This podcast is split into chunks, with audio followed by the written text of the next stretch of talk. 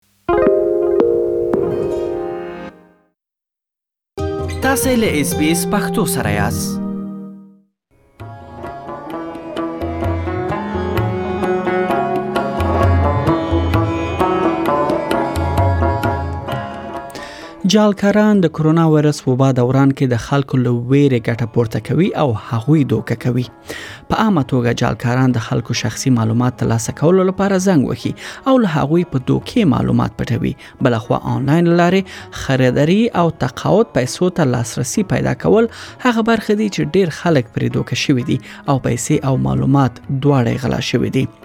دلته د درغلې د موندلو سرنګوالي په اړه مو تاسو معلومات راټول کړي دي او دا چې څنګه ترې ځان ساتل شي دا ټول په دې رپورت کې ځای شوی دی ملتیا مو کړئ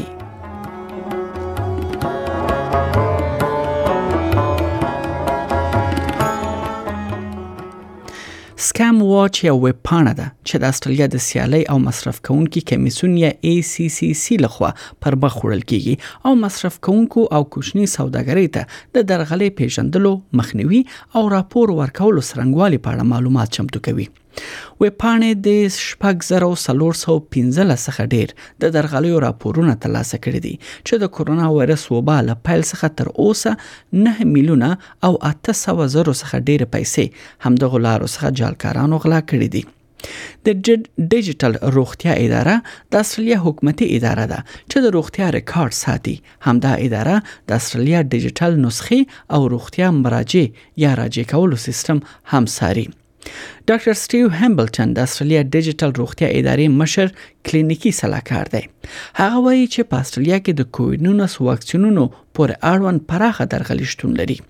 ځینو مواردو کې خلک د واکسین غلط او دوکي وختونه پلوري همدا چې واکسین اخیستلو لپاره له جالکارانو سره خپل شخصي معلومات او نور شریکوي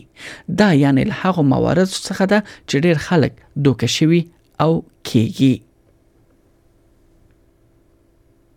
there are people selling fake vaccine appointments. And of course, to get an appointment, they need to know who you are. That's what they want. We've seen fake vaccines being offered to be mailed to you, fake vaccine surveys. So they're going to ask you questions about the vaccine, about side effects perhaps. You might be asked for payment to send you a vaccine, which you shouldn't be paying for. Uh, sometimes there's a charge for a pre test prior to getting a vaccine. Again, you don't need any test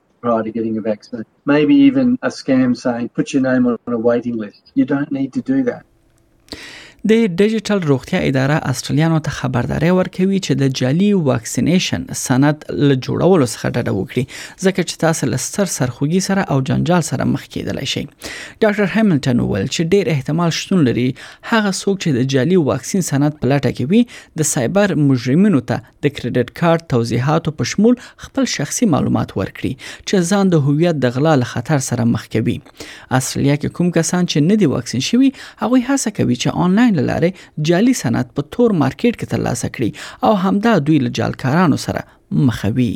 people are offering these fake certificates on the black market Of course, providing you with a certificate is one problem, and that means you put yourself at risk and you put your family at risk. But to get that certificate, they're going to want personal information about you, and that's really what they want. They want identifying information, they want health information, and of course, That gives them the ability to steal your identity. It's really, really serious. ډاکټر هامبلټن وايي شخصي روغتيایي معلومات د تور بازار په ویب فورمونو کې ډیر ارزښت لري او په لوړو بیو پلورل کیږي او کله چې یو څوک د دې معلوماتو کنټرول له لاسه ورکړي بیا ترلاسه کول یې خورا سنځمن کار دی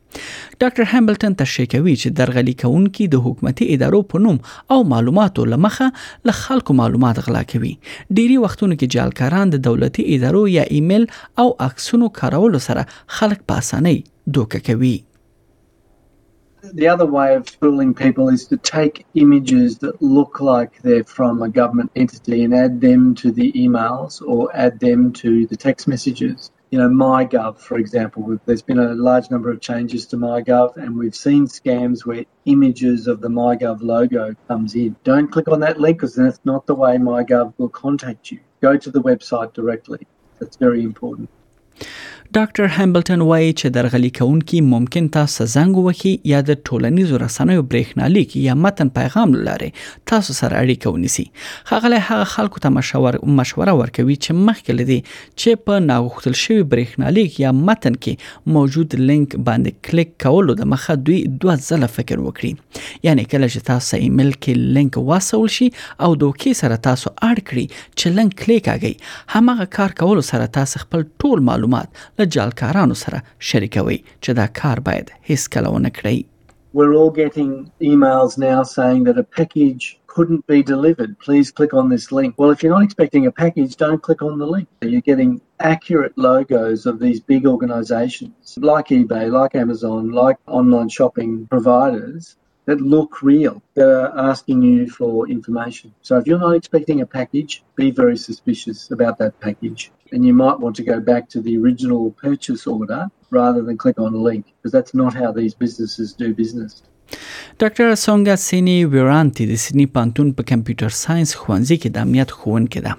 هغه تشریح کوي چې څنګه مالویر کولای شي چې شخصي معلومات غلا کړي مالویر کمپیوټري سیستم دی چې لکه وایروس او دوکې کار کوي هماغه لار څخه کمپیوټر ټول اسناد غلا او نور زیانونه اړول کېدلی شي they can create a link so where the link contains the malware, the malicious software. So once you click on that link, the malicious software comes to your computer and gets installed. Once the software is there silently, I mean, most of the malware, what they do, they are there in your computer for a, a period of time. So, for example, the software actually can record whatever keys you type. They have a con- control and communication channel where they actually send all those information to the bad guys. جعلکاران یا سکیمرز ممکن داسې ویب پاڼې هم رامنځته کړي چې رښتینی ښکاري او د حکومت سوداګرۍ یا حتی ملګری په توګه چلن کوي دوی ممکن هغه کس په اړه لږ څه معلومات لمخې راټول کړي وي کوم چې دوی په نخښه کول غواړي همدا معلومات کارولو سره کله چې تاسو ټلیفون یا ایمیل کوي نو دوی تاسو ته لږ معلومات درکوي چې انې ساسو معلومات تاسو ته درکوي او هغه سره تاسو قانع کوي چې خپل ځان په اړه نور معلومات شریک کړئ سکیمران یا جالکاران جعلي انلاین پلورنځي هم جوړ کړي دي دوی ادعا کوي چې هغه محصولات پلوري چې اصل کې شتون نه لري د کووید 19 لپاره د درملنې یا واکسین کولو څخه نیولې تر محصولاتو لکه د وخت ماسکونو پورې دغه ټول شان دوی پلوري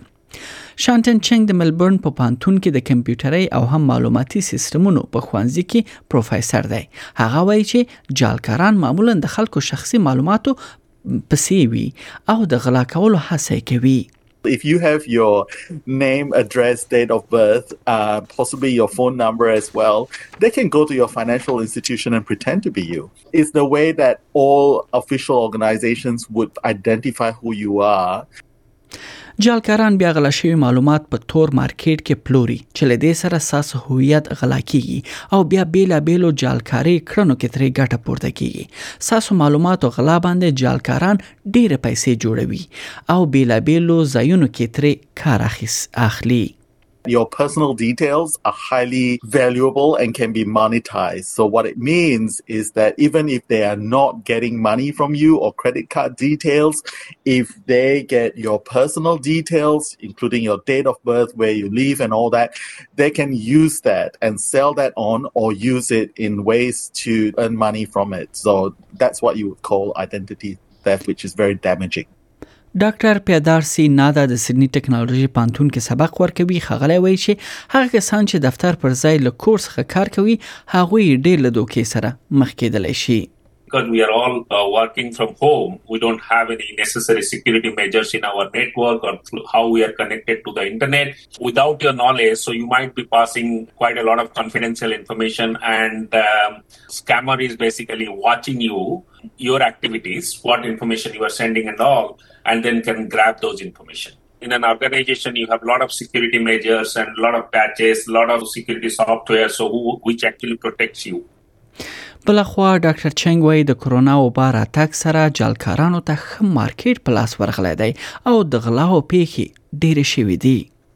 There are many things that sounds legit. It plays on people's fears, need for stability, security, urgency, anxiety. It masquerades as authority and it preys on people who are vulnerable. And vulnerable doesn't mean that you are weak or whatever. It's just that in particular circumstances, when you are anxiously looking for help, that's when they strike. And this is what we want to be careful of.